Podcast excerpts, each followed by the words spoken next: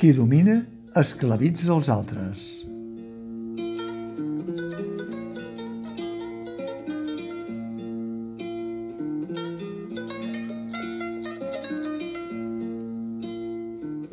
Stefan Zweig, austríac d'origen jueu, ha estat un autor que en català ha comptat durant molts anys amb la complicitat de Quaderns Creme i la dèria inesgotable del malaguanyat editor Jaume Vallcorbe. Fa 20 anys, el 2002, Stefan Zweig es va fer present aquí en dos àmbits culturals paral·lels, el teatre i la literatura. D'una banda, Quaderns Crema publicava el relat breu Els ulls del germà etern, en una traducció de Joan Fontcoberta, i Marisa Siguant feia el mateix amb una versió dramatúrgica a partir del relat Els ulls de l'etern germà, posant més èmfasi en l'adjectiu etern que en el de germà, segurament. Aleshores, aquell 2002, un emergent director anomenat Oriol Brogi la va portar a escena a l'antiga sala Beckett de Gràcia en una proposta que seria la gènesi de la companyia de la Perla 29, que commemora el 20è aniversari amb aquesta nova visita a Stefan Zweig, ara al Teatre La Biblioteca, on té la seu. Qui domina esclavitza els altres, diu en un moment donat Stefan Zweig. L'obra té clarament un ingredient de faula, i no és estrany perquè l'escriptor Stefan Zweig va basar la història en una faula oriental que parla de les actituds davant de la vida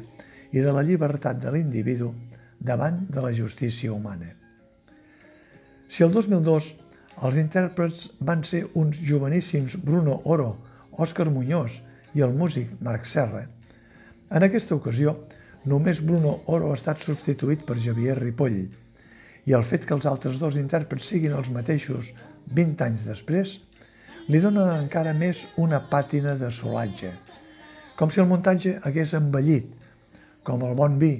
i en el bon sentit del terme, amb els mateixos intèrprets, director inclòs, és clar. La maduresa serveix per fer-ne un millor tast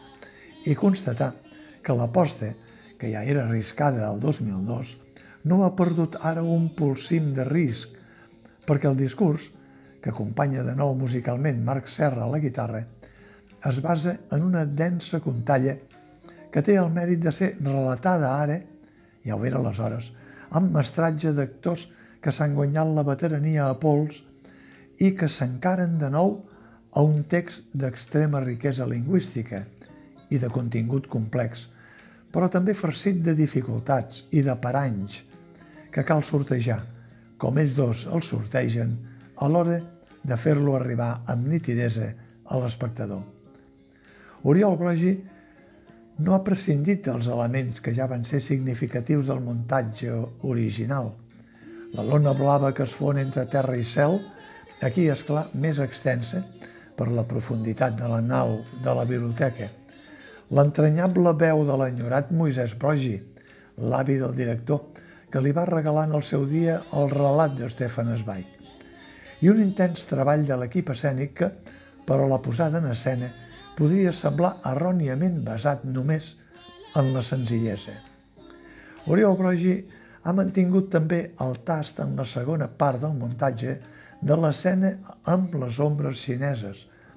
amb l'aparell de nostàlgia que es descobreix més tard darrere el taló blau cel, amb la intenció, crec, de ser fidel a l'origen oriental de la història. I també amb l'escultura femenina, potser per recordar la torada que el protagonista Vilata fa amb una dona que li retreu tot el que ha patit. Una peça escultòrica que es manté amb un aire tenebrós al fons de l'escenari i que es mou entre Peles Fanosa i Alberto Giacometti, que, com algunes de les seves obres, representen la solitud, l'aïllament i la tragèdia de l'ésser humà del segle XX, el propi dels dos escultors, però també la solitud, l'aïllament i la tragèdia heretats per l'ésser humà del segle XXI. L'obra de Stefan Zweig, amb un subtil rerefons de veus a cor, gairebé imperceptible en aquesta revisada versió antològica, té un caràcter eminentment contemporani per l'època de la seva escriptura, que ara ha arribat al centenari perquè Stefan Zweig la va publicar el 1921, però ressona com un clàssic que ve del fons del temps. Els ulls de l'etern germà, que ara la Perla 29 ha subtitulat com un dilema de Stefan Zweig, narra la història, com deia, de Virata, un home just i virtuós, un jutge màxim del regne, que decideix viure en pròpia carn una de les condemnes per ell imposada als altres per acabar redescobrint el valor absolut de la vida, tot i que acaba caient en l'oblit de la història.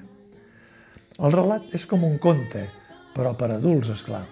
Un conte que els dos intèrprets narren adoptant la veu, ara un, ara l'altre, de diferents dels microcontes dins del conte. Un conte per escoltar, com recomana en una introducció del muntatge que fa el músic i actor Marc Serra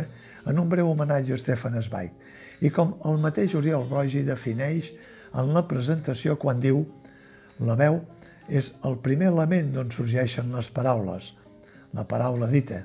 la paraula llegida, interpretada, declamada, xiu-xiuejada, musicada, cantada, recordada, i els gestos, les intencions i les accions que l'acompanyen. Tot això hi és de manera brillant en aquesta posada en escena i és bo posar en antecedents als espectadors. També recomanar, si cal, que una relectura del relat ajuda a reviure les imatges que reclamen les paraules de Stefan Zweig i com que el món editorial és addicte a la plaga de les descatalogacions del paper,